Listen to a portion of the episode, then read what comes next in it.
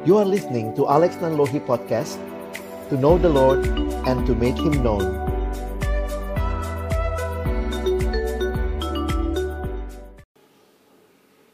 Mari berdoa sebelum kita membaca merenungkan firman-Nya.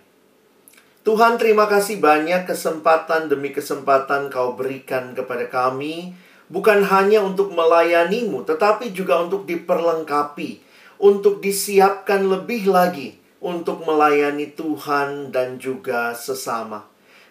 Kami merindukan sore hari ini Ketika sama-sama mengikuti pembinaan ini. Waktu kami akan membuka firman-Mu Bukalah juga hati kami. Jadikanlah hati kami seperti tanah yang baik supaya ketika benih firman-Mu ditaburkan boleh sungguh-sungguh berakar, bertumbuh, dan juga berbuah nyata di dalam hidup kami. Berkati hambamu yang memfasilitasi, menyampaikan semua kami yang mendengar. Tuhan tolonglah agar pada akhirnya kami bukan hanya jadi pendengar firman yang setia, tapi mampukan dengan kuasa dan pertolongan dari rohmu yang kudus, kami dimampukan menjadi pelaku-pelaku firman-Mu di dalam kehidupan kami. Bersabdalah ya Tuhan kami sedia mendengarnya dalam satu nama yang kudus, nama yang berkuasa, nama Tuhan kami Yesus Kristus. Kami menyerahkan pemberitaan firman-Mu. Amin. Shalom, selamat sore Bapak Ibu sekalian yang dikasihi dalam Tuhan Yesus Kristus. Saya bersyukur kesempatan ini boleh sharing baik firman Tuhan maupun juga beberapa hal yang Tuhan tolong juga di dalam pelayanan saya sudah lakukan atau mungkin uh, ide-ide yang yang sudah juga di, disampaikan oleh banyak orang dalam situasi pandemi ini maka KTB menjadi satu hal yang menarik diperbincangkan bagaimana di era digital ini menjadi bagian yang juga perlu kita pikirkan secara mendalam. Saya akan memberikan beberapa hal sebagai pemantik dalam Bapak Ibu nanti dalam kelompok mungkin bisa mendiskusikan, bisa saling mendoakan. Saya akan membagi dua hal. Yang pertama saya akan lebih bicara terhadap prinsip yang penting untuk diingatkan kembali buat kita supaya uh, kita tetap punya keyakinan apa sih yang kita sedang perjuangkan lewat KTB ini dan yang kedua nanti hal praktis dalam era digital ini bagaimana memperjuangkannya. Nah, saya mulai dengan sebuah kutipan dari seorang uh, mantan atau presiden Amerika Serikat ke-32 ya. Franklin Roosevelt yang berkata, "We cannot always build the future for our youth, but we can build our youth for the future." Saya pikir Bapak Ibu sebagai pendidik sangat memahami hal ini. Tidak ada dari kita yang bisa hidup selamanya, ya. Kita tidak akan menemani anak-anak kita masuk ke dalam masa depan. Tidak semua kita bisa menemani mereka dalam waktu yang panjang. Tetapi apa yang kita berikan sejak hari ini menjadi modal penting bagi mereka melangkah ke depan. Amsal 22 ayat yang ke-6 mengatakan, Didiklah orang muda menurut jalan yang patut baginya. Maka pada masa tuanya pun ia tidak akan menyimpang daripada jalan itu. Di dalam bahasa Inggris terjemahannya tidak hanya menggunakan istilah teach, tetapi kata yang digunakan adalah train up a child. Bahwa training atau sesuatu yang melibatkan pelatihan. Dan kalau kita lihat lebih jauh, menghasilkan murid itu bukan hanya mengajar mereka, not only teach, but also train. Sehingga kalau kita melihat secara utuh, Sebenarnya ini adalah sebuah panggilan pemuridan. Nah, kita akan lihat beberapa hal tentang pemuridan yang saya sengaja tegaskan kembali. Apa sebenarnya yang juga kita kerjakan saat ini melalui KTB-KTB adalah demi menghasilkan murid seperti yang Yesus sendiri lakukan. Ketika Yesus datang ke dalam dunia, kita tahu bahwa tugas yang dia emban, dia sendiri berkata, ber, uh, bertobatlah sebab kerajaan sorga sudah dekat. Tetapi di dalam Matius 4 ayat 19, maka kita perhatikan, Yesus berkata kepada mereka, orang-orang atau murid-murid yang waktu itu uh, dia temui, Mari ikutlah aku dan kamu akan kujadikan penjala manusia. Kalau kita membedah ayat ini, kita menemukan paling tidak ada tiga hal tentang pemuridan yang penting kita disegarkan kembali. Saya pikir Bapak Ibu sudah melakukannya dan sudah menjalaninya. Ada tiga hal. Yang pertama adalah pemuridan itu sifatnya relasional. Sebagaimana Yesus berkata, "Mari ikutlah aku." Jadi bukan saja mari dengarkan pengajaranku, mari ikuti kurikulumku, tetapi mari ikut aku. Bahkan kalau kita lihat Yesus pun tinggal bersama dengan murid-muridnya. Yang kedua, ada tujuan. Pemuridan punya tujuan yang jelas, intentional. I will make you. Kalau kita ajak orang, yuk ikut. Misalnya saya ajak Bapak Ibu sekalian, adik-adik, ayo ikut saya Mungkin Bapak Ibu akan bertanya, mau ke mana Pak? Maka Yesus jelas sekali ya. I will make you. Ada satu tujuan, kerinduan di dalam panggilan menjadi murid. Dan akhirnya ada aspek misional. Bahwa ini tidak berhenti sampai kepada para murid. Tetapi mereka menduplikasi, berlipat ganda menjadi orang-orang yang dipanggil untuk juga menjala manusia memuridkan orang lain. Jadi sebenarnya kalau kita perhatikan aspek ini menjadi esensi dalam pemuridan. Terjadi relasi, persahabatan rohani, lalu terjadi uh, discipleship atau developmental yang intentional, ada pertumbuhan, lalu terjadi pelipat gandaan rohani yang sifatnya eksponensial. Wah, ini kalau kita perdalam, saya pikir ini esensi pemuridan. Sehingga secara khusus sebenarnya yang jadi pergumulan kita, bagaimana di tengah-tengah situasi online hal-hal ini tetap tercapai. Karena ini kan kerinduan kita, ya. Di mana sebenarnya dasar utamanya bagi saya yang menarik adalah relasi. Nah, mungkin itu jadi pertanyaan kita ya, gimana Pak membangun relasi dalam situasi online seperti ini. Menarik sekali bagaimana kelihatan dalam hidup Yesus dengan para murid, kelihatan juga dalam hidup Paulus dengan Timotius yang sering kali dikutip kalau bicara pemuridan, maka sebenarnya ada transformasi, ya. Relasi ini adalah relasi yang transformasional. Saya menuliskan di sini ya dalam slide ini pemuridan merupakan proses transformasi menjadi serupa dengan Kristus bukan sekadar pemberian informasi kebenaran Alkitab. Jadi sekali lagi, pemuridan bukan cuma habisin bahan supaya nanti kalau dicek, nanti Ibu Lili tanya gimana KTB-nya. Oh, sudah sampai bahan ini, semua berjalan. Tetapi lebih daripada itu, transformasi menjadi kerinduan kita. Transformasi menjadi serupa Kristus. Karena itu, kalau kita perhatikan, memuridkan itu life to life. Bukan sekadar mind to mind. Dan bagi saya menarik ketika tadi saya mendengar bahwa visi misi dari sekolah bukan hanya mengajar supaya orang tahu, anak-anak tahu, tetapi juga memuridkan mereka sehingga ada hidup yang dibagikan. Paulus dengan Timotius jelas sekali. Paulus berkata di dalam 2 Timotius 3 ayat 10. Bapak Ibu sekalian perhatikan sebenarnya ada tujuh ku di sini. Tetapi engkau, Paulus bilang ke Timotius, tetapi engkau Timotius telah mengikuti ajaranku, cara hidupku, pendirianku, imanku, kesabaranku, kasihku, dan ketekunanku. Bapak Ibu Saudara, kalau hanya ajaran, Bapak Ibu bisa lihat misalnya di video, kalau bicara pengajaran ya bisa lihat di depan kelas, waktu ngajar. Tetapi kalau sampai mengerti cara hidup, mengerti kesabaran, kasih, ini pasti ada relasi yang mendalam. Pemuri dan Paulus dan Timotius bukan sekadar membagi membagi pengajarannya. Nah, mungkin muncul pertanyaan bagi kita. Lalu bagaimana Pak di tengah situasi seperti ini? Saya tahu tidak mudah tentu buat kita sekarang ya nggak mudah lah ya Bapak Ibu yang ngajar ngerti yang saya maksud ya harus mengajar dengan uh, apa online dan seterusnya. Kita lebih senang ketemu langsung, tapi ya situasinya tidak memungkinkan. Nah, bagaimana dengan Paulus? Dalam perenungan saya, beberapa kali dalam kehidupan Paulus, bahkan dia harus menjalani pemuridan tidak tatap muka. Iya, kira-kira begitu ya. Atau kalau dipakai istilah ya, teman saya waktu bikin uh, slide ini ya, Pak Johan Setiawan, dia bilang distance discipleship. Paulus itu juga melakukan distance discipleship.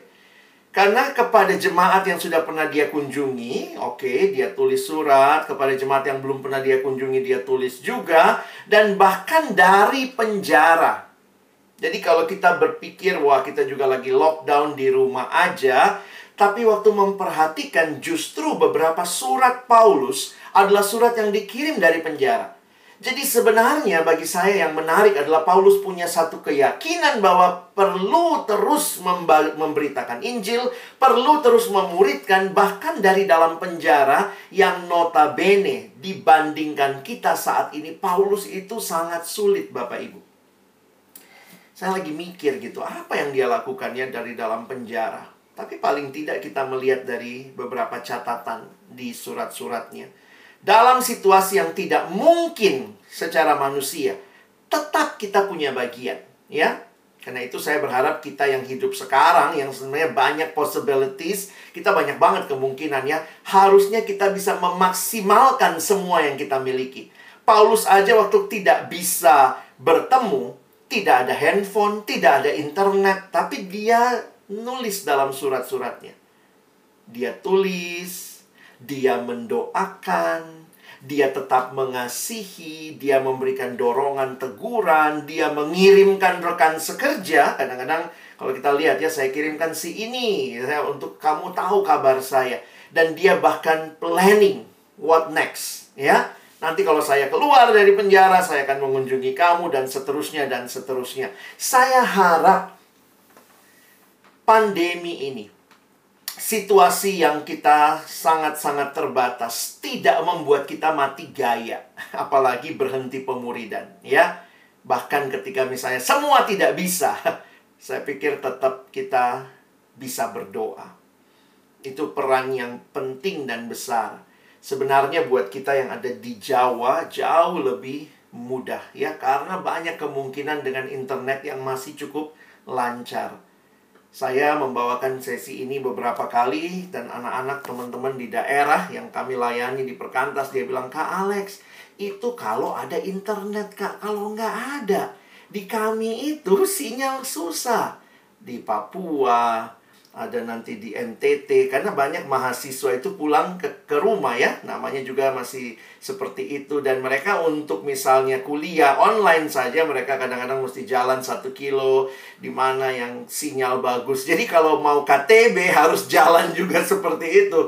Wow itu perjuangan sekali. Tapi sekali lagi saya bilang kalaupun tidak bisa masih bisa berdoa kan Ya, jadi kadang-kadang Tuhan izinkan ya sudahlah berdoa saja. Tapi bagi Bapak Ibu sekalian yang internet juga baik gitu ya, kita juga punya perangkatnya cukup baik. Saya pikir kita jangan mati gaya ya, kita harus lebih jauh lagi daripada itu. Nah, sedikit saya mau bagikan tentang pemuri dan memang aspek kebersamaan itu sangat penting. Dan kebersamaan itu ya kita selama ini taunya ya waktu ketemu, ya Nah, tetapi melalui Paulus ini kita jadi sadar juga ya bahwa kebersamaan itu belum tentu juga. Karena orang kalau ketemu tapi tidak menikmati kebersamaannya sama juga begitu ya. Maka kita perlu belajar membangun kebersamaan itu. Nah, ada satu buku yang menarik kalau Bapak Ibu tertarik untuk mempelajari tentang bagaimana melayani generasi ini ditulis oleh pendeta Grant Skeldon. Ini pendeta anak muda di Amerika. Usianya juga baru 30-an ya agak funky ya tatoan. Kalau di kita kayaknya susah nih jadi pendeta ya karena pasti dilihat backgroundnya. Tapi dia orang yang sangat menikmati pemuridan. Dia sendiri merasa dia adalah produk dari pemuridan dan sebenarnya inilah buku yang dia tulis menjembatani dua generasi. Karena dia merasa generasi muda dan yang tua sering kali tidak klop di dalam gereja dan dia mengatakan gereja sebenarnya bukan punya masalah anak muda ya Kami sudah terjemahkan bukunya dalam bahasa Indonesia bisa dicari kalau mau e-booknya uh, bisa beli di Google uh, Book ya. Nah, tesis buku ini yang menarik, dia bilang begini. Sebenarnya sekarang ini kadang-kadang kita kalau lihat orang muda, ya itulah ya, yang lebih tua selalu lihat orang muda ini masalah, anaknya kurang ini, kurang itu, kurang ini, kurang itu. Nah, tesis dia dalam buku ini sebenarnya ini. The church doesn't have a millennial problem. Dia bilang, jangan apa-apa ini masalah, anak sekarang nggak gini, konsentrasinya kurang. Tetapi it has a discipleship problem. Poinnya dia apa? Kalau kamu tidak puas generasi tua dengan anak muda, muridkan mereka. Tolong mereka. Bantu mereka. Wah, itu bagi saya satu hal yang ya begitulah. Makanya dia tulis di salah satu babnya, kalian banyak bicarain generasi kami. Tapi kalian tidak cukup waktu untuk dengerin generasi kami. Kalian banyak ngomongnya doang, kira-kira begitu ya. Tapi juga kepada generasinya, dia juga bilang ya, karena buku ini jadi jembatan. Hai anak-anak generasi ini, kamu butuh dimuridkan oleh generasi yang lebih tua. ya. Jadi dalam buku ini dia memberikan pemahaman selain tentang generasi juga tentang pemuridan. Nah ini sangat menarik ya.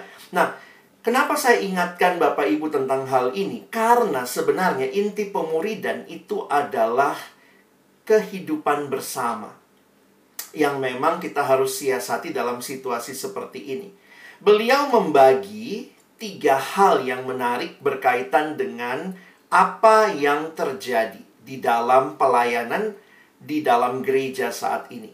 Nah, dia mengatakan eh, kadang-kadang uh, ada yang namanya mentorship ya Come and meet with me. Saya jujur aja waktu mengevaluasi, jangan-jangan KTB kita zaman now itu mentorship ya. Datang ya, ketemu ya seminggu sekali ya. Jadi sebenarnya kayak les ya. Wah, les tiap minggu datang gitu ya. Nah, sementara banyak acara gereja karena dia bicaranya gereja ya. Most of church events come and listen to me. Sebenarnya pemuridan Yesus adalah Yesus berkata, "Come and follow me."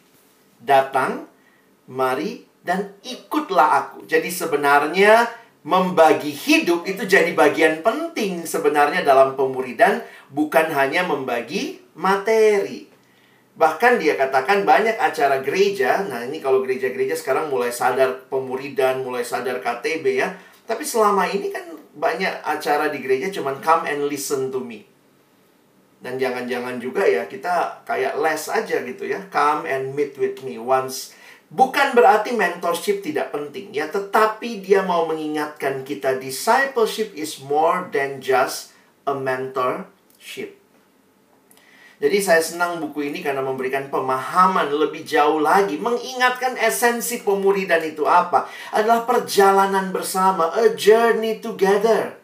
Dan dia mengatakan juga, you can't you cannot effectively lead others if you don't first show them you care. Jadi memang ini jadi hal yang menarik ya untuk kita disegarkan kembali. Be authentic lah Bapak Ibu juga nggak usah jadi orang lain ya. Dengan kita mengenali diri kita apa adanya juga kita dari situlah kita kemudian membagikan apa yang kita miliki. Nah, kalau normalnya kelompok kecil KTB bisa seperti ini ya Maaf ini gambarnya orang-orang tua ya. Tetapi dalam masa new normal, nah ini nih kita lihat praktis-praktisnya sekarang ya. Wah, new normal ya inilah KTB ya. Bayangkan kalau KTB bentuknya nanti semua begini. nah, itu uh, gambaran yang terjadi. Tapi saya mau mengajak kita melihat bukan hanya masalah new normal, bukan hanya masalah online ya tetapi kita butuh ya, mau nanti offline, mau online, saya pikir ada hal yang lebih jauh perlu kita pikirkan tentang generasi ya. Kita perlu untuk loving and embracing this generation. Kenapa ini jadi penting? Online itu saya pikir hanya salah satu pola yang harus terjadi saat ini. Tetapi jauh lebih penting dari itu, Bapak Ibu mesti memahami. Ya, saya menuliskan begini. Sebenarnya pemahaman dan pengenalan yang dalam akan generasi menentukan bagaimana melayani mereka. Jadi online atau offline itu cuma masalah cara. Tetapi butuh lebih dalam Bapak Ibu Saudara dan saya perlu kenal, perlu memahami konten Tentu kontennya berita Injil ya tidak berubah, tapi perlu memahami konteksnya, bahkan kontainernya apa. Kontainer itu apa yang menjadi bagian untuk menyampaikan konten itu. Konten dalam konteks disampaikan lewat apa kontainernya. Nah, sehingga kita perlu mengenal setiap generasi. Setiap generasi dengan pertanyaan-pertanyaan mereka saya jadi sadar betul begitu ya. Ternyata memang pembagian generasi ini umum sekali ya. Saya juga harus katakan teori generasi seperti ini ada kelemahannya, tetapi paling tidak saya menggunakan atau memahami tentang pembagian generasi ini untuk menolong kita sensitif. Paling tidak kita punya sensitivitas tentang apa yang sedang terjadi. Bapak, Ibu, dan saya makin tua. ya beberapa masih ada yang uh, koko cici yang kayaknya masih siswa ya. Kalian mungkin lebih dekat sama generasi. Tapi bapak ibu kita sadar ya kita makin tua ya. Nggak ada bapak ibu yang makin muda ya. Mau skincare-nya kayak apa juga tetap gitu ya. Sehingga pertanyaan-pertanyaan bisa jadi apa yang kita anggap penting di generasi kita Apakah itu juga menjadi pertanyaan buat generasi ini? Wah, ini generasi katanya ada yang bilang ini Gen Z, nanti masuk ke Gen Alpha. Sementara Bapak Ibu mungkin seperti saya juga gitu ya, ada yang Gen X, ada yang Gen Y, Bapak Ibu yang lebih muda, tapi mungkin juga ada yang lebih senior lagi ya, adanya di baby boomers begitu. Nah, memang ini semua sangat umum pembagiannya, tapi saya mau kita belajar sensitif dengan situasinya. Bukan berarti anak muda tidak bertanya ideologi. Karena ideologi katanya pertanyaannya baby boomers ya. Benar apa enggak? Benar apa enggak? Anak sekarang nggak peduli benar apa enggak katanya ya. Tapi tentu ada juga yang berpikir benar apa tidak. Cuma pertanyaan utama mereka adalah identity. Soal jati diri. Kenapa kalau Bapak Ibu mengikuti film-film sekarang anak muda itu lucu ya film-filmnya superhero tapi bertanya soal identity Makanya ada sequelnya tentang tentang uh, Marvel punya uh, superhero. Semua banyak pada nanya saya anak siapa? Yang mana mama saya? Yang mana papa saya? Nah itu ternyata pertanyaan yang umum di generasi ini dan itu juga ditolong dengan atau di, diperkuat dengan film-film yang mereka tonton. Dan waktu saya bawakan materi ini di anak-anak mereka bilang iya kak. Kami tuh nanyanya itu Sementara kalau katanya generasi sebelumnya ada yang memperhitungkan untung rugi, gen Y soal kepuasan, tentu setiap generasi bisa mengulang pertanyaan, tetapi ada pertanyaan utama yang mungkin perlu kita tolong mereka jawab. Jadi dalam uh, apa ya diskusi tentang pelayanan kaum muda misalnya tema-tema yang harus diangkat saat ini misalnya adalah soal identitas itu tema penting di tengah-tengah dunia yang sedang memberikan identitas kepada mereka. Nah, ini cuma salah satu contoh saja bagaimana kita belajar sensitif. Karena paling tidak Bapak Ibu dan saya makin tua, generasinya makin muda. Nah, sehingga ada yang memberikan gambaran ini ya. Ini bagi saya menarik dalam satu seminar tentang kaum muda. Dia bilang begini, pelayanan kaum muda seperti melakukan misi lintas budaya. Bapak Ibu pernah tahu lah ada misionaris datang ya kita mungkin dulu pernah lihat, wah ada pendeta yang bule datang tinggal di Indonesia. Gile, fasih banget bahasa Indonesianya. Yang orang Batak mungkin dengar cerita No Manson ya, sampai dipanggil Opung No Manson. Bahwa dia datang ke tanah Batak, dia jadi Batak kira-kira begitu ya. Nah, menarik sekali, pelayanan kaum muda dikatakan seperti melakukan misi lintas budaya. Jadi Bapak Ibu bisa bayangkan bagaimana nih connecting antara dari yang tua sama yang muda itu kayak misi lintas budaya. Kalau orang datang, misionaris lintas budaya datang, apa yang dia harus lakukan? Dia mesti belajar budaya, belajar bahasa karena bahasanya beda. Lah mungkin dia harus menyesuaikan busana, Terus mungkin dia harus mendengarkan, belajar mendengar musik apa yang didengar, tontonan apa yang didengar, makanan apa yang dimakan, hobinya dan lain-lain. Makanya suka kalau kita lihat film-film misionaris ya tiba-tiba misionarisnya disuruh makan yang dia nggak suka. Wah itu kan kayaknya, wah dia nggak makan tuh. Tapi kemudian karena misi ya dia rela makan itu supaya diterima di suku itu. Bapak Ibu sadar apa tidak? Pelayanan kepada generasi yang muda itu buat kita yang makin tua kayak misi lintas budaya ya. Kita mesti pelajari bahasa mereka.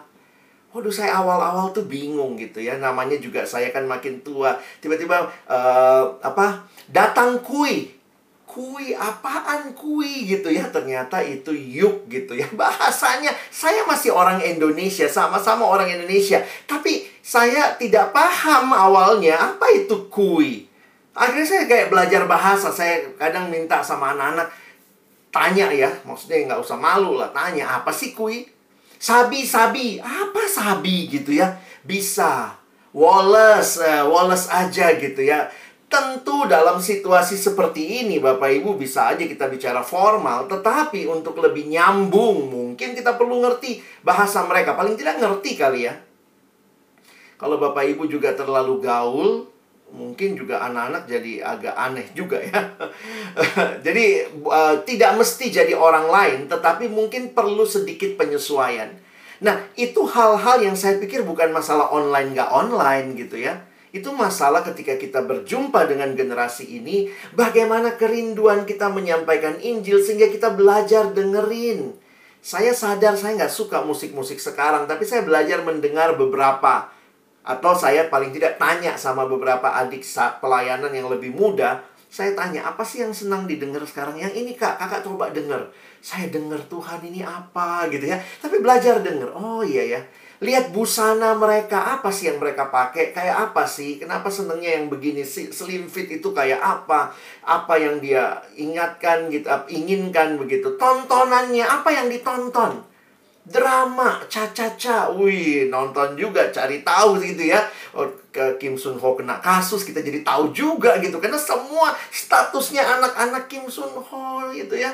Aduh kadang-kadang saya mikir wah kita perlu tahu lah paling tidak ya. Uh, saya tahu bapak ibu kan juga tidak muda lagi ya. Mungkin keterbatasan kita kita nggak bisa ikutin semua. Paling tidak kita bisa update saling share gitu ya.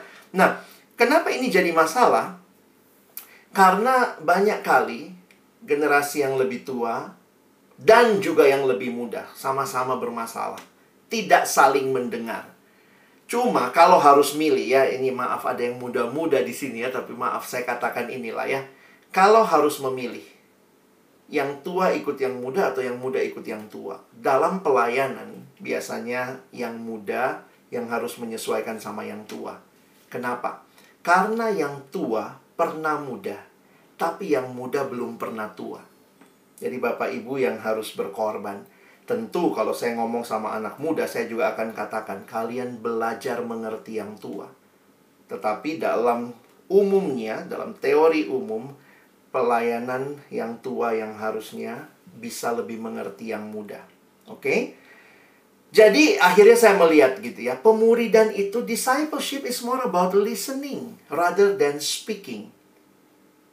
Kadang-kadang kita maunya ngomong, tapi perlu juga mendengar ya. Ada dua pendengaran yang penting. Dengarkan Allah, listen to God, and also listen to youth. Nah, saya akan kasih satu prinsip waktu bicara online ini. Kenapa ya? Bagi saya menarik sekali generasi ini adalah generasi yang senang sekali dengan media sosial, social media. Nah, ini yang saya coba pikirkan bagaimana kita juga bisa kembangkan di dalam pelayanan kita kepada generasi ini. Mungkin prinsip-prinsipnya akan menolong kita. Kadang-kadang sekarang orang bilang gini ya, sampai ada teman saya punya anak remaja, jadi saya banyak mendapat konsultasi dari teman-teman yang sudah punya anak remaja gitu. Dia bilang, Alex gimana? Anak saya curhatnya di medsos. Perlu nggak sih saya bikin medsos juga? Ya saya bilang ya kalau mau tahu anakmu cerita apa atau apa ya bikinlah medsos ya untuk juga uh, bisa bisa paham kira-kira seperti itu. Tapi kemudian muncul pergumulan saya bertanya begini, kenapa sih mereka lebih senang ngomong di medsos? Apa sih yang menarik? Dan secara khusus sekarang itu paling banyak yang senang sama Instagram. Itu secara umum, walaupun sudah mulai beralih ke TikTok. Karena Instagram juga sudah mengumumkan bahwa ke depan Instagram itu platformnya lebih kepada video singkat, bukan lagi tulisan. Ya, bukan image maka uh, itu sudah mulai banyak akhirnya uh, Instagram kan uh, beberapa bulan lalu mengeluarkan Reels ya akhirnya Reels menjadi fitur utama yang dia tawarkan sekarang untuk mengalahkan TikTok gitu ya nah Bapak Ibu saya coba menganalisa ya saya memang bukan ahli uh, ahli uh, ini ya teknologi tapi saya coba melihat bahwa ternyata yang sering kali menyedihkan begini ya yang lebih ngerti anak muda kita itu kok industri-industri seperti ini ya. Yang memang dikonsumsi anak muda sementara ya mungkin maaf kata ya saya pakai istilah gereja ya. Gereja itu paling telat ngerti anak muda gitu ya. Jadi kayaknya anak muda itu sudah duluan ter terpesona dengan Instagram lalu kemudian ya gereja baru mulai mau ikut gitu ya. Nah, ini yang kadang-kadang kita agak ketinggalan dalam hal itu. Nah, tapi saya ditolong dengan satu teori yang uh, sebenarnya ini teori umum ya, dipakai di dalam beberapa uh, research yang mencoba melihat generasi ini. Jadi saya mau konekin begini, kenapa generasi ini senang sama sosial media, khususnya Instagram? Karena kenapa mereka curhat di situ? Kenapa mereka upload foto di situ? Kenapa mereka upload keseharian mereka di situ? Kenapa mereka pengen eksis di situ? Apa sih yang sebenarnya mereka cari dan kenapa Instagram itu ngebaca semua gitu ya? Apa sih yang dia baca begitu ya? Satu penelitian tentang epic culture. Jadi ada seorang ya, ini uh, ahlinya begitu ya. Si Jose Fadul ini dia mengatakan sekarang ini kita surfing di epic generation. Ini bukan buku Kristen ya, tetapi beberapa orang Kristen kemudian uh, ya salah satunya yang terkenal adalah Bapak Leonard Sweet. Bapak Leonard Sweet mencoba mengambil teori dari dari Fadul tadi tentang epic generation dan dia menuliskan dua buku ini mencoba membaca apa yang disukai oleh generasi ini karena memang culture-nya dan dibentuk seperti itu. Nah, epic itu singkatan dari E, P, I, C, ya. Dan epic itu adalah pertama, ini generasi yang senang dengan experiential. Senang mengalami, bukan cuma tahu. Makanya kalau Bapak Ibu perhatikan, yang ditawarkan di dalam semua Instagram itu adalah pengalaman. Kalau kita melihat salah satunya dengan bisa posting video, jadi bukan cuma bukan cuma foto ya. Saya lagi bikin cupcake, saya foto. Bukan cuma itu. Tetapi mereka menawarkan pengalaman karena itu, nah kalau Bapak Ibu ikutin ya, saya karena dari awal ya, gara-gara pelayanan siswa saya jadi punya Instagram karena waktu pulang retret anak-anak bilang, "Kak Alex, apa Instagramnya?" "Apaan tuh?" ya. Akhirnya saya ikut buat Instagram. Awal-awal Instagram cuman bisa foto. Kemudian fotonya bisa di-like. Habis bisa di-like, kemudian fotonya bisa di-swipe. Lalu habis itu mulai bisa video. Bapak Ibu kalau ngikutin ya, baru kurang lebih lima tahun terakhir Instagram bisa story. Jadi terus berkembang gitu ya. Kenapa? Ingin memberikan kepada generasi ini experience. Nah, saya langsung kaitin ya. Kalau kita mimpin KTB-nya cuman kasih bahan, tidak memberikan mereka lebih jauh seperti mengajak mereka masuk dalam pengalaman. Nah, itu bagi saya jadi jadi hati-hati juga ya. E, mungkin terkesan membosankan. Karena apa bedanya sekolah juga kayaknya dikasih tahu semua begitu ya. Tapi ini generasi yang experiential. Nah, Bapak Ibu kalau belajar digital pedagogy, pedagogi digital, saya nggak tahu siapa yang dari Bapak Ibu yang mendalami itu, tapi saya pikir perlu ya untuk future of uh, education bahwa pendidikan sekarang kalaupun menatap layar harus ada pengalamannya. Nah, sebenarnya saya sangat menikmati ketika Bapak Ibu melakukan itu di dalam red-red tahun ini ya, yang saya pimpin juga di mana Bapak Ibu terlibat, ke anak-anak dikasih pengalaman. Mereka dikasih keterlibatan. Jadi partisipatori. Content provider, mereka tidak hanya mau. Kenapa yang menarik di dalam medsos? Mereka tuh bisa komen, mereka bisa kasih pendapat mereka. Mereka bisa kasih apa yang mereka anggap jadi kadang-kadang kalau lihat ya status-status sekarang orang lagi Kim Sun Ho ya, ada yang kemudian pro kontra. Kenapa orang suka curhat di situ? Karena kayaknya ada lapaknya. Mereka bisa jadi content provider, orang-orang yang ikut terlibat. Sehingga KTB-KTB saya pikir juga jangan lupa Anak-anak bukan cuma datang, catat jawaban yang benar dari pertanyaan nomor satu, nomor dua, tapi libatkan mereka sebagai, bukan sebagai objek yang lagi diajarin. Perlakukan mereka sebagai subjek yang juga bisa memberikan konten. Kalau salah, ya kita ajarin gitu kali ya. Jadi kadang-kadang memang sulit ya ketika pembelajaran dua arah. Banyak orang bilang, "Wah, sekarang pembelajaran dua arah." Kalau gitu pertanyaan saya, berapa gurunya? Kalau dua arah, apakah satu guru, satu murid? Saya ngomong, dia tetap murid. Ataukah kalau kita melihatnya dua arah, maka sebenarnya ada dua guru dan dua murid pada saat yang sama. Saya ngajarin dia. Dia pun bisa ngajarin saya. Oh, Bapak Ibu, kita yang tua-tua banyak nggak taunya kok. Dan anak sekarang lebih tahu. Jadi kayaknya kita nggak bisa berkata, saya guru, saya pemimpin KTB, kamu anggota. Sampai kapan pun kamu anggota. Ada dua pemimpin dan dua anggota. Kira-kira logika berpikirnya begitu. Sehingga kita ciptakan kebersamaan seperti itu waktu membahas materi. Tanya ya, apa pendapatmu tentang aborsi misalnya. Biarkan dia memberikan pendapat begitu ya Bukan, oh firman Tuhan katakan begini. Apa pun jawaban kalian, pokoknya firman Tuhan. Kita belajar untuk melihat ya, ada ruang yang diberikan. Lalu ini generasi yang image driven. Di googling tahun kapan itu ya? Apa yang paling banyak dicari di Google? Sekarang bukan kata, tapi emoji. Wow, unik juga ya. Ini generasi yang image driven. Kita pakai ini juga waktu KTB. Saya pikir ini akan menarik ya ini generasi yang story, pengennya cerita. Makanya Instagram memberikan fitur story. Kadang-kadang story-nya cuma jalan dari kamar ke kamar mandi, tapi di storyin gitu ya. Dia pengen cerita gitu. Nah, sering kali dalam situasi memang dalam dalam online ini ya, kita mesti menciptakan begitu ya. Dan akhirnya juga connected. Ini generasi yang pengen terkoneksi. Paling takut kalau missing out. Makanya ada FOMO ya, fear of missing out. Nah, situasi seperti ini membuat kita mau tidak mau harus memikirkan KTB online yang epic, yang experiential. Gimana anak-anaknya bisa? Nah, saya saya harus katakan saya belajar banyak justru dari Bapak Ibu waktu retret kemarin. Bapak Ibu mencoba membuat retretnya epic. Nah, memang kan gini ya.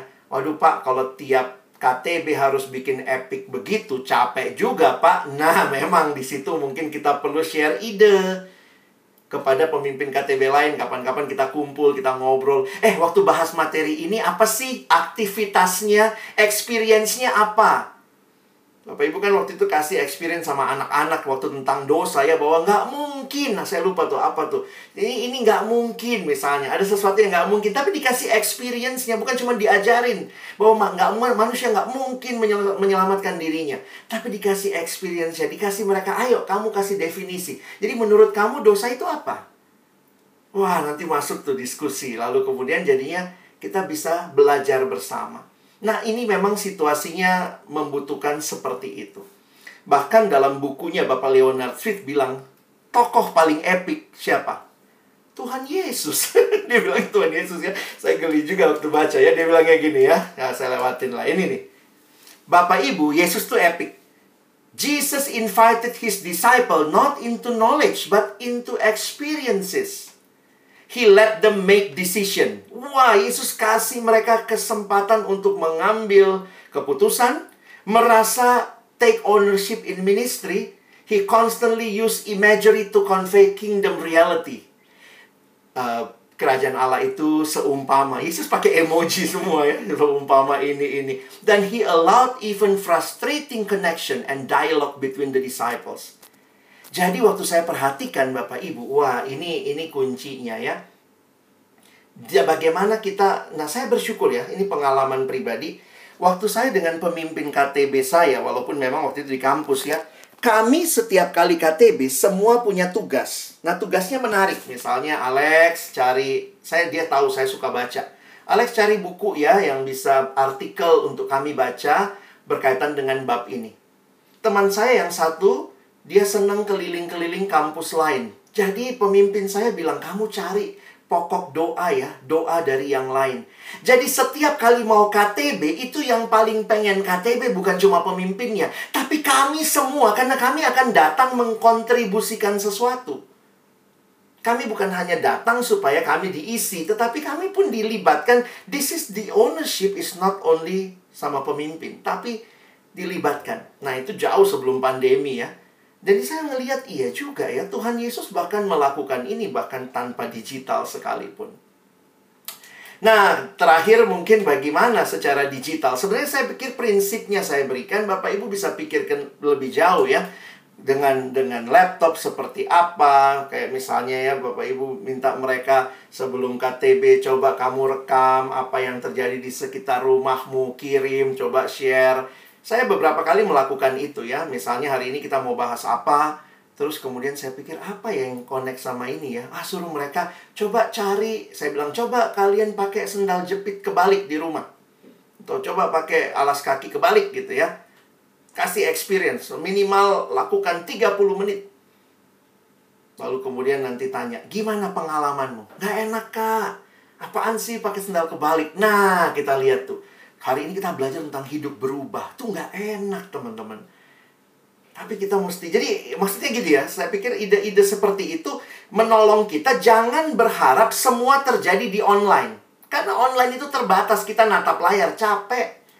Maka mungkin Bapak Ibu bisa lakukan sebelum pertemuan, sesudah pertemuan, bahkan mungkin setiap hari di grup WA kita bisa chat. Pagi ini coba foto bagaimana moodmu. Jadi jangan tanya, perasaanmu bagaimana. Bukan tanya perasaannya. Coba foto yang paling menggambarkan moodmu pagi ini. Ini generasi yang berbicara lewat gambar. Ya. Nah, saya pernah tanya sama mereka ya. Nah, ini. Kalau Bapak Ibu mungkin bahan KTB, kalau sekarang mesti dibikin di PowerPoint kali ya.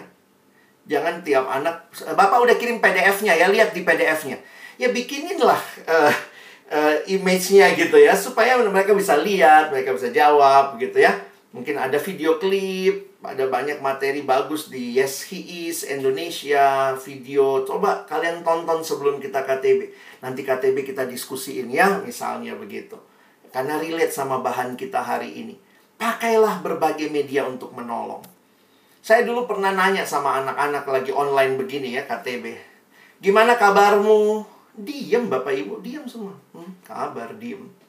Tapi begitu saya gitu. Coba adik-adik, apa gambar mana yang paling menggambarkan perasaanmu minggu ini? Oh langsung, nomor dua kak, nomor dua. Abis dia bilang nomor dua, saya bisa nanya, boleh cerita nggak kenapa pilih nomor dua? Ini generasi yang bicara dengan gambar. This is their language. We have to know their language. Mungkin kita bisa pakai saya kadang-kadang sekarang cari-cari gambar gitu ya. Apa kabarmu hari ini? Ayo teman-teman lihat nomor berapa yang paling menggambarkan dirimu. Nah ini cuma contoh saja tapi poin saya adalah bapak ibu mesti pikirin bagaimana KTB yang epic. Memberikan mereka experience mereka bukan cuma objek tapi mereka juga jadi subjek yang bisa mengajar mereka juga bisa belajar mereka berpartisipasi. Pikirkan bagaimana juga kita uh, image kita pakai. Saya beberapa kali suka. Saya minta hasil KTB hari ini buat kamu. Coba foto satu satu gambar yang paling menggambarkan apa yang kamu dapat simpulkan hari ini. Nanti minta keterangan singkat di bawah fotonya. Wah, ada yang foto dinding yang retak. Wah, kenapa? Saya makin sadar, Kak, saya seperti dinding retak ini dari KTB hari ini. Wow, kita bisa banyak share di situ gitu ya. Jadi akhirnya mereka gadgetnya kepake. Jadi bukan cuma KTB hanya hanya pokoknya uh, sebegitu aja, tapi kita membawa mereka dengan semua yang mereka miliki. Mereka suka bikin video, coba buat video 30 detik. tentang masa kecilmu sampai sekarang misalnya gitu. Apalah ya Bapak Bapak Ibu bisa lakukan. Nah, teman saya memberikan dinamika, Bapak Johan uh, ini ya memberikan dinamikanya juga dia bilang uh, ini kan biasanya dalam KTB itu ada ada empat hal ini ya. Pengajaran penyembahan kita nyanyi lalu ada persekutuan dan ada kesaksian pelayanan misi keluar. Nah maka kita bisa kombinasikan dengan hal-hal yang online ya. Misalnya berbagi penyembahan satu nyanyi kayak tadi kan kita dengar lagu tapi mungkin kasih sedikit pengantar. Teman-teman dengerin lagu ini ya. Apa yang berkesan coba ikut nyanyi misalnya. Pengajaran. Oh banyak. Oh pengajaran banyak banget sekarang. Bisa nonton Bible Project. Bisa misalnya video klip-video klip yang menolong penjelasan. Ya. Persekutuan. Nah, ini ini beberapa bagian yang untuk pengajaran ya. Kita bisa cari ini beberapa aplikasi yang ada ada YouVersion Bible, salah satu Alkitab yang baik. Berbagi saat teduh, kita bisa share di grup gitu ya. Hari ini kita saat teduh apa? Satu kalimat, dua kalimat. Saya sampai hari ini menikmati ya yang kirimannya Pak Presno. Nggak panjang, singkat tapi dalam begitu ya. Nikmatin bagaimana ada hal yang dibagikan begitu. Itu bisa kita lakukan. Berbagi persekutuan. Nah, kita kalau besar sih bisa masuk breakout rooms ya Nah, kalau tidak ya kita bisa sharing ya dalam dalam Zoom tentunya juga bisa atau mungkin kalau tidak ya Bapak Ibu bisa bagi breakout rooms kalau anaknya banyak berdua-berdua ya. Kalian habis ini sharing berdua-berdua saling berdoa. Nah, lalu ini juga bagaimana berbagi. Ini ada aplikasi story ya. Misalnya kita disuruh coba bagikan kepada orang-orang di sekitarmu. Nah, itu cuma ide saja, tapi saya kasih prinsipnya tadi ya epic. Jadi saya pikir coba kita pikirkan KTB-KTB yang epic sehingga Bapak Ibu akan tertolong juga untuk terus berkembang dan bisa menjangkau generasi ini dengan lebih baik. Apakah pasti mereka akan sangat langsung bersemangat? Ya belum tentu juga ya, tapi mari kita lakukan dulu dan meyakini ketika kita bawa dalam doa. Ini bukan sekadar masalah kreativitas Bapak Ibu ya. Mari rebut generasi ini untuk mereka cinta Tuhan dan karena itulah Bapak Ibu jadi pemimpin yang pakai lutut kita. Sebut nama mereka dalam doa-doa kita. Karena kita rindu. Mereka juga berubah bagi kemuliaan Tuhan. Amin. Mari berdoa. Tuhan terima kasih buat sesi ini. Apa yang kami pelajari, biarlah juga menginspirasi kami untuk berkarya, menjangkau generasi ini. Kami sungguh rindu, kami mempersembahkan generasi ini bagi kemuliaan Tuhan. Terima kasih untuk Bapak, Ibu, saudara-saudara, adik-adikku yang menjadi pemimpin KTB.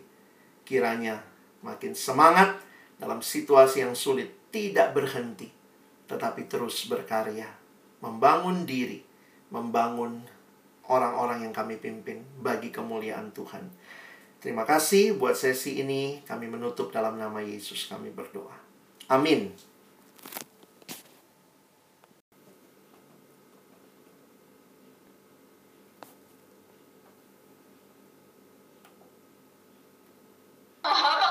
silakan boleh banget ya silakan ini berkaitan dengan kelas 12 mungkin ada peneguhan mungkin uh, dari bang Alex ya di antara kita ini kan ada siswa nih hmm. yang uh, mereka mereka ini sebenarnya kelas 12 gitu ya kelas 12 yang dan ini pertama kali memang kita akan mencoba bukan mencoba ya sudah dipersiapkan sih mereka untuk hmm. memimpin adik-adik mereka nah ini nantinya yang uh, ada sih sekarang ini yang uh, mereka akan mungkin yang SMP mungkin ada satu dua kali bukan satu dua kali mungkin ada penguatan gitu bang kali ini baru hmm. pertama kali buat bagi mereka dan juga uh, mungkin sebelumnya udah pernah tapi itu udah alumni sih kalau kalau yang ini ya dari yeah. Iya. uh, alumni mungkin adik-adik silakan bang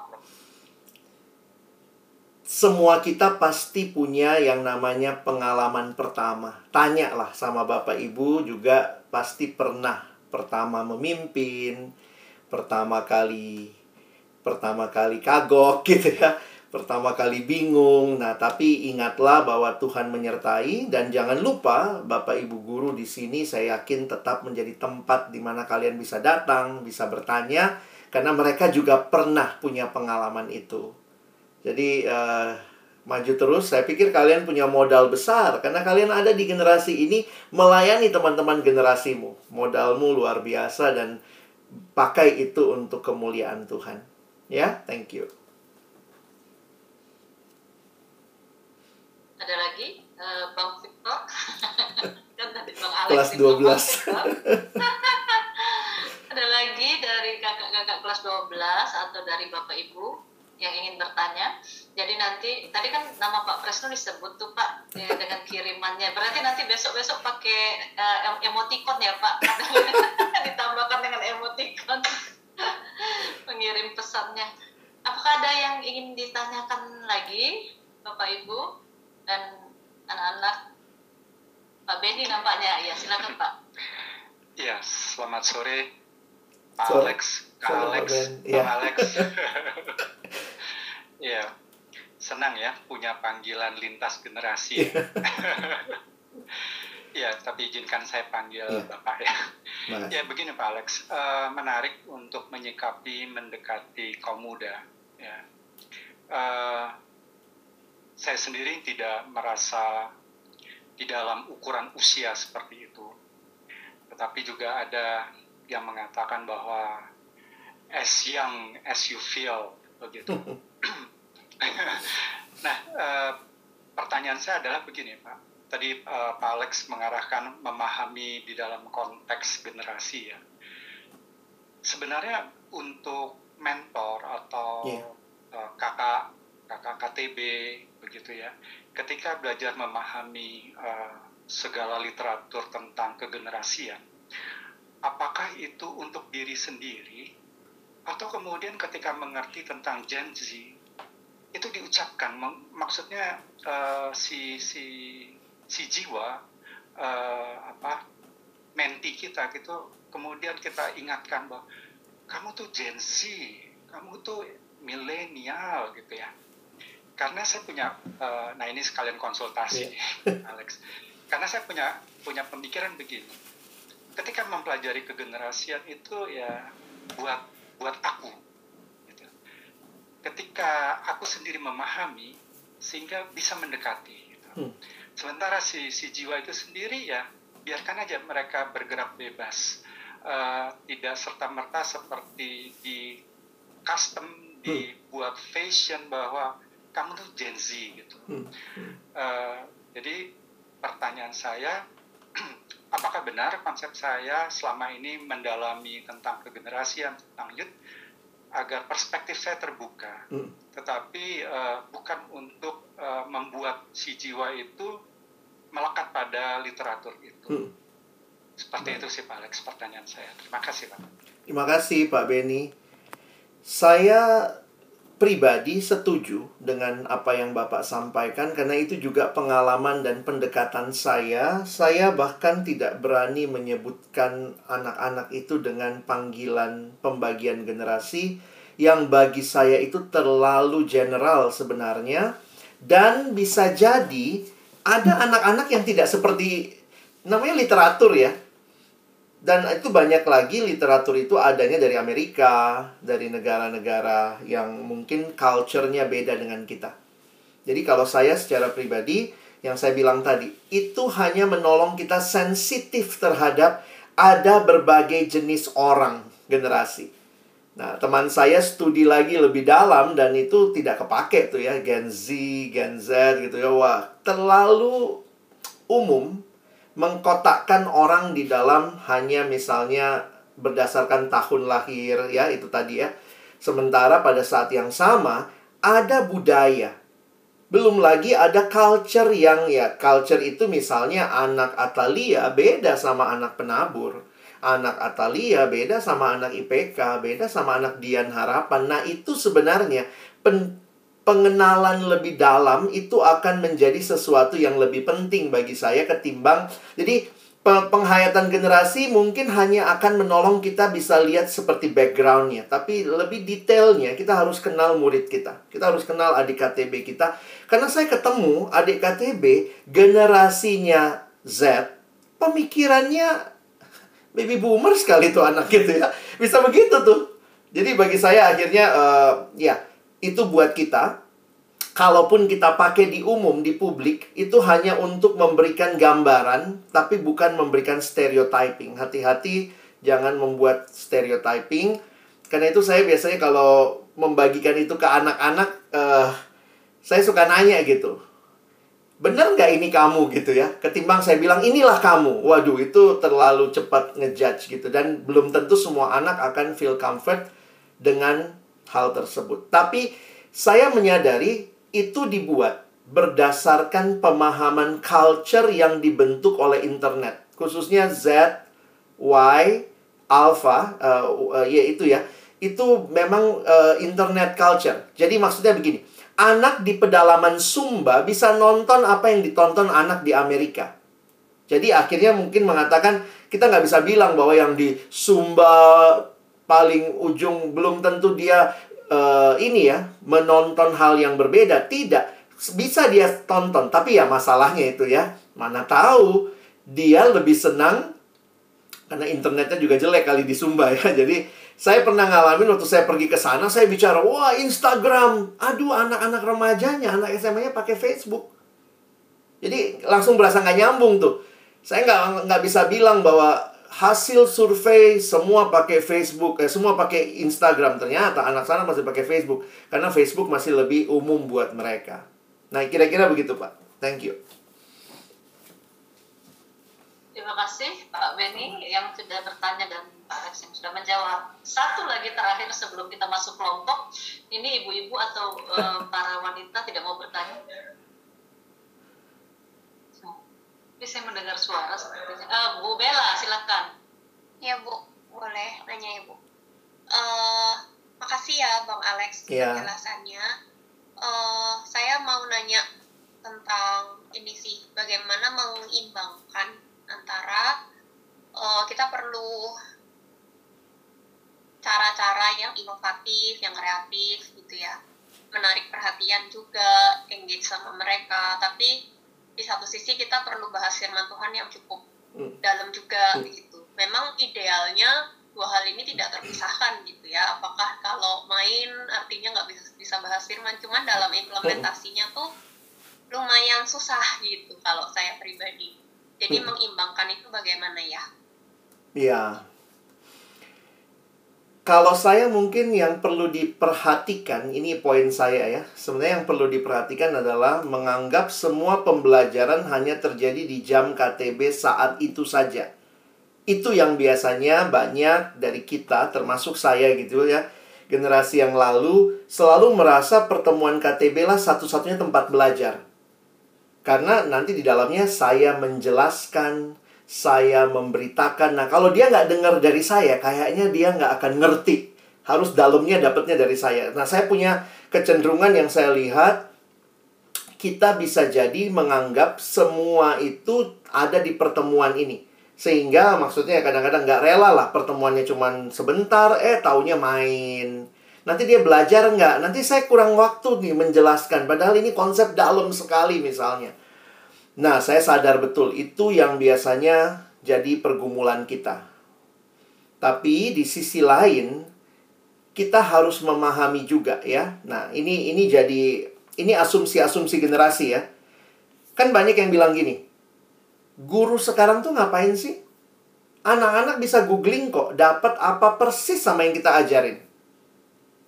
Kalau begitu, maka pembelajarannya harus bisa misalnya uh, ini ya apa uh, flip class misalnya begitu ya. Jadi poin saya adalah yang saya bilang tadi, usahakan juga banyak pembelajaran terjadi sebelum pertemuan dan di dalam pertemuan sebaiknya kita bisa menegaskan hal-hal yang baik, yang penting dan nah ini ini poin-poin yang lainnya ya bagaimana kita membahas itu dari perspektif yang uh, apalah ya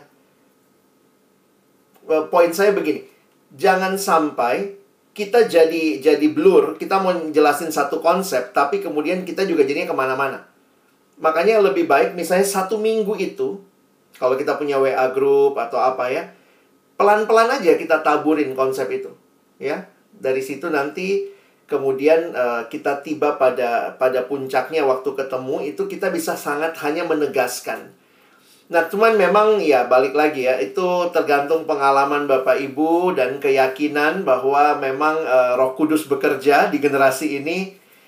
Jadi uh, ya banyak banyak asumsi di balik kalimat yang tadi Ibu sampaikan karena saya melihat kalau saya juga itu asumsi saya gitu. Dia harus ini ini dalam nih. Dia perlu dapat nih.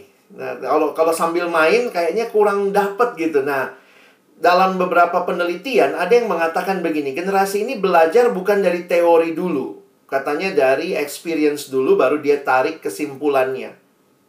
Tapi ya, saya pikir anak-anak bisa belajar dua-duanya ya. Makanya kenali siapa anak-anak kita. Kalau memang kita butuh waktu yang panjang, kita kita ini apa konsen ke mereka ya. Kita apa? Kita izin sama mereka. Ini penting nih. Uh, saya pengen jelasin lebih dalam begitu boleh nggak kita waktunya lebih lama misalnya? Atau e, minggu ini kita permainan ya, minggu depan nanti kita pelajari mendalamnya gitu. Nah itu memang akhirnya ya Bapak Ibu maaf ya, akhirnya mungkin bahan nggak akan nggak akan selesai sesuai waktu, tapi kita melihat perkembangan anak dan kita mengkombinasikan berbagai gaya mengajar. Mungkin begitu kali Bu. Nggak ada tips yang khusus banget kalau dari saya sih harus kenal Bu anaknya. Lili, Bu Lili dan Pak Alex boleh ini Iya. kesempatan saya juga mungkin nggak tahu ya mau ditanggapi bertanya atau Hmm. sharing apa yang disampaikan Pak Alex baru aja kurang lebih satu jam yang lalu saya bicarakan dengan anak saya setelah saya KTB dengan anak-anak KTB jadi Hmm.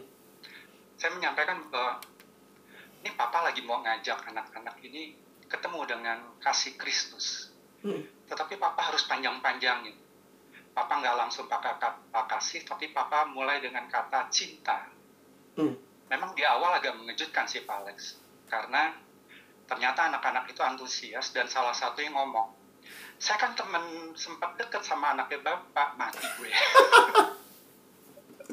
Curhat.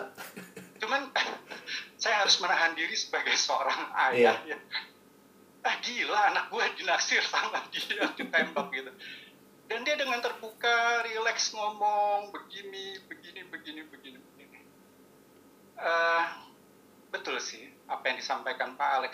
Tapi apa yang disampaikan Pak Alex meneguhkan saya bahwa saya harus bersabar di dalam ukuran eh, saya limit ya, ada limitasi pertemuan karena anak sekarang senangnya cepat jadi 30 menit 40 menit paling cepat Eh, saya sudah berjanji dari awal jadi beberapa kali pertemuan cuman ngomongin cinta cinta monyet Eh, cinta tuh gimana Hmm. setiap orang gimana kemudian baru ngasih lihat ini kalau orangnya jelek begini kamu mau cinta nggak walaupun ujung-ujungnya udah udah eh, apa kepingin banget langsung ngomong tahu nggak sih Kristus tuh cinta kamu kamu berdosa Iya. kudis apa cinta Eh, kurang lebih begitu tapi memang menahan kesabaran itu eh, butuh extra mile ya Betul. apalagi kok tahu ternyata anak sendiri pernah ditembak begitu kurang lebih gitu Pak Alex Iya, iya, iya. kalau boleh sharing ya. Thank you, Pak. Ya. Thank you. Apakah Bu Bella sudah oke?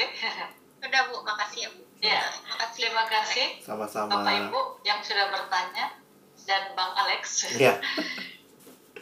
Eh, Bapak Ibu, eh, tadi sempat ini membahas dengan tim. Eh, kita punya waktu 10 menit, kita akan konsi- konsisten selesai jam 4 memang eh sorry jam 5 sesuai dengan jadwal kita ya. Nah, eh, kita biasanya ada waktu untuk gabung di dalam kelompok untuk berdoa. Tetapi kalau Bapak Ibu masih ingin bertanya karena nanti pertemuan di bulan depan itu juga memang banyak, banyak Oh. waktu untuk di dalam kelompok untuk berdoa ya. Nah, silakan jika lo masih ingin bertanya, nanti kita tutup di dalam doa bersama di forum besar ini. Nanti kita bulan depan banyakin di dalam kelompok. Apakah ada lagi? Eh, belum dengar dari Dave, Vincent, Myla, Gaby. Apakah ada di antara kalian berempat kakak-kakak pengalaman baru nih? Udah mulai mimpin, masih mendampingi kah? Silakan. Vin, Dev? Vincent? Gaby senyum-senyum. Myla bagaimana Mai? Pengalamannya bertemu anak-anak?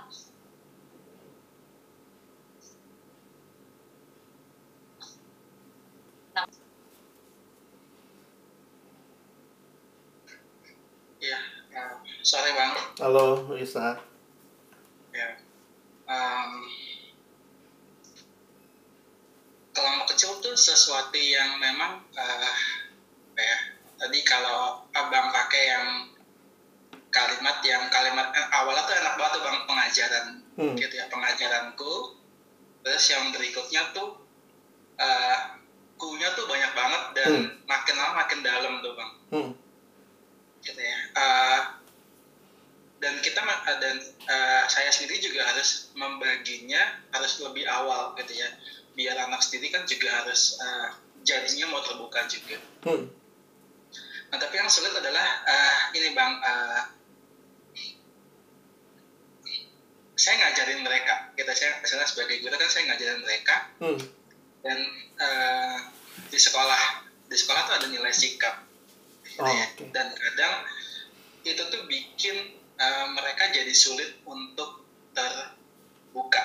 Hmm, kalau yang uh, kelas atas itu lebih deket kali mungkin karena udah lebih attachment gitu udah lebih kenal mereka lebih berani juga buka gitu. Hmm. dan uh, meskipun waktu saya buka di awal tuh ini nggak nggak akan ngaruh ke nilai gitu. Bapak tuh uh, nggak akan uh, apa?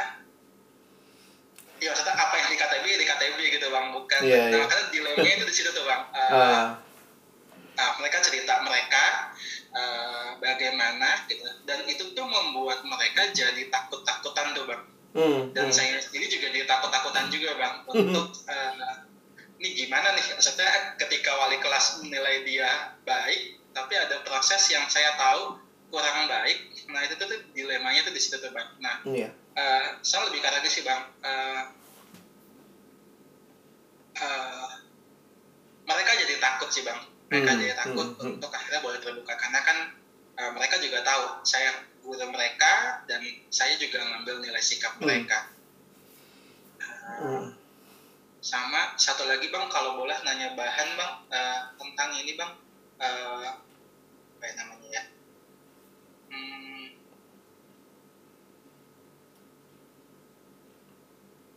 saya lupa lagi up jadi uh, lagi mau tentang ini bang jadi ada anak KTB nanya Hmm.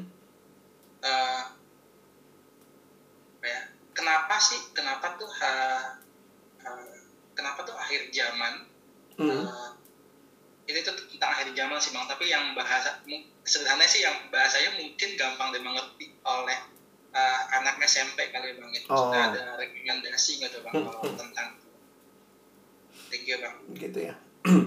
Baik, terima kasih Pak Yusak. Kalau saya lihat kalau bahan nih begini ya. Kalau bahan saya sih rekomendasi walaupun juga perlu kita baca dengan mendalam, perlu dikritisi juga tapi saya merekomendasi mungkin ada pertanyaan. Ada pertanyaan itu eh, Bapak Ibu bisa cari, Inggrisnya got question, Indonesianya ada pertanyaan. Nah, itu menjawab semua hal dengan cukup ringkas memberikan dukungan ayat dan seba- sebagainya. Jadi sering kali eh, Bapak Ibu silakan cari aja googling, ada pertanyaan, eh, ada apps-nya juga. Jadi eh, itu menolong. Jadi dari bahasa Inggrisnya God question lalu diterjemahkan ke Indonesia jadinya ada pertanyaannya jelek banget ada pertanyaan. Nah, eh, selain itu kita juga doakan ya beberapa hal berkaitan dengan video-video singkat. Saya pikir itu banyak juga kita temukan sekarang. Nah, silakan Bapak Ibu bisa explore ya. Ada Yes He Is. Em, kalau penjelasan juga, coba cari di Bara Digital Ministry. Bara Digital Ministry itu ada setiap hari. Itu dikelola oleh eh, dirintis oleh beberapa eh, orang dari saat ya. Bara Digital Ministry itu setiap hari menjawab pertanyaan. Jadi kadang-kadang kan kita bingung ya, pertanyaan anak-anak mungkin banyak itu Bara Digital Ministry bisa masuk ke YouTube mereka. Itu eh, banyak pertanyaan dan dibahas oleh orang-orang yang baik, yang kompeten sehingga mungkin kalau kita bingung menjelaskannya, kita bisa dengar dulu, sesudah itu kita kalimatkan ulang mungkin lebih mudah ke anak-anak. Jadi dalam masa-masa ini memang kalau kalau dalam bahasa Inggris lebih banyak resource ya. Uh, Bible Project memberikan penjelasan beberapa hal itu sangat menarik untuk menambah materi agama gitu bisa juga ya dan sudah diterjemahkan ke bahasa Indonesia. Kalau yang lain misalnya Third Millennium Ministry itu banyak juga materinya dalam bentuk video tapi mereka belum semua dalam bahasa Indonesia. Jadi ada beberapa uh, ini ya, thank you. Silakan nanti Bapak Ibu kita perlu berbagi lah resource-resource seperti ini. Karena ini menolong ya khususnya menjawab pertanyaan-pertanyaan dari perspektif yang alkitabiah. Karena saya takutnya ada juga sih yang ngebahas yang lain tapi mungkin kurang alkitabiah ya. Bisa lihat juga M7M uh, Meaningful 7 Minutes dari pendeta Yakub Trihandoko. Masuk ke YouTube-nya cari di playlistnya ada M M7M Meaningful 7 Minutes. Jadi dia mencoba menjawab beberapa pertanyaan dalam 7 menit dan itu bagi saya juga sangat menolong untuk memberikan penjelasan, ya. Nah, itu Bapak Ibu bisa lihat semua sudah di copy paste ya. Nanti silakan ke uh, Pak Yakub Trihandoko itu juga baik. Beberapa penjelasannya ada di Instagram mereka di API, di Grace Alone Ministry, di Grammy, itu juga beberapa pertanyaan-pertanyaan orang muda dan itu dalam bentuk yang cukup animatif ya yang swipe begitu. Jadi silakan bisa cek ke sana. Kalau berkaitan dengan anak-anak dan guru ya ini memang ya Bapak Ibu lah yang bergumul gitu ya. Saya juga bingung gitu karena ini realita yang tidak mudah tentunya. Um, di satu sisi tanggung jawab kita untuk memberi nilai, tapi di sisi lain sebenarnya tanggung jawab kita untuk juga melihat mereka bisa berubah. Kalau saya sih melihatnya begitu ya. Um, mungkin um, Bapak Ibu bisa tanya lah sama Bapak Ibu yang juga mungkin pernah pegang kelas, sudah pernah. Jadi paling gampang kan belajar dari yang sama-sama ngalamin ya. Tapi kalau saya suka berpikirnya sederhananya begini. Nilai sikapnya saya berikan berdasarkan dia saat ini. Tapi dia bisa jadi apa ke depan? Nah, kalau saya bisa bicara hati ke hati dengan dia, sebenarnya saya akan bisa menolong dia jalan sama-sama untuk semakin baik ke depan sih. Jadi memang itu uh, pergumulan ya. Tarik ulurnya di situ. Dan Bapak Ibu saya pikir ya di dalamnya kita perlu banyak berdoa ya supaya anak itu mengerti bahwa inilah kondisi dia sekarang, tapi dia bisa lebih baik ke depan ketika dia terus berjalan dan hidup di dalam Tuhan. Nah, itu yang saya pikir perlu kita kasih pengharapan. Jangan cuma kasih nilainya, nggak kasih pengharapan dia bisa lebih baik, bisa berubah. Dan ya paling penting maukah kita pemimpin KTB-nya Bapak Ibu menemani dia sampai ke sana begitu. Makanya benar yang Pak Yusak bilang tadi ya. Kadang-kadang makin lama anak itu dengan kita, dia akan makin makin terbuka lah. Ya, tapi saya pikir dalam tanggung jawab memberi nilai, Bapak Ibu harus memberi nilai saat ini ya. Jadi bukan bukan juga mengelabui sekarang anaknya nggak baik kita bikin baik karena oh dia ikut KTB dia pasti jadi baik. Tapi nanti itu sekarang dia harus mengerti dan dia perlu dievaluasi dalam hal-hal tersebut. Nah, cuma untuk masalah rahasia, saya pikir hati-hati. Belajarlah untuk bisa dipercaya oleh anak. Nah, memang ini di sini uh, pasti tarik ulurnya juga di situ. Jadi Bapak Ibu jangan me, jangan ember ya. Belajarlah untuk uh, ya kalau kita mau kasih nilai itu seperti itu ya kita berikan nilai itu ya kita tahu rahasianya ya udah kita simpen aja. Kalau ada yang nanya atau yang lain ya kita hanya akan bilang bahwa dia punya pergumulan dan doain. Karena belum tentu dengan menceritakan pergumulannya akan jadi menolong anak itu juga. Saya ketemu beberapa anak remaja gitu sih ya. Maunya terbuka sama kita tapi yang lain dia nggak mau gitu. Nah itu kita perlu jaga tuh. Mungkin itu dulu Oke bang. Iya. Uh, sudah cukup menjawab ya Pak Yusak. Oke, terima kasih uh, Bapak Ibu. Kita tiga menit lagi. Kalau Bapak Ibu ada pertanyaan yang ingin disampaikan kepada Pak Alex, nanti boleh chat ke saya.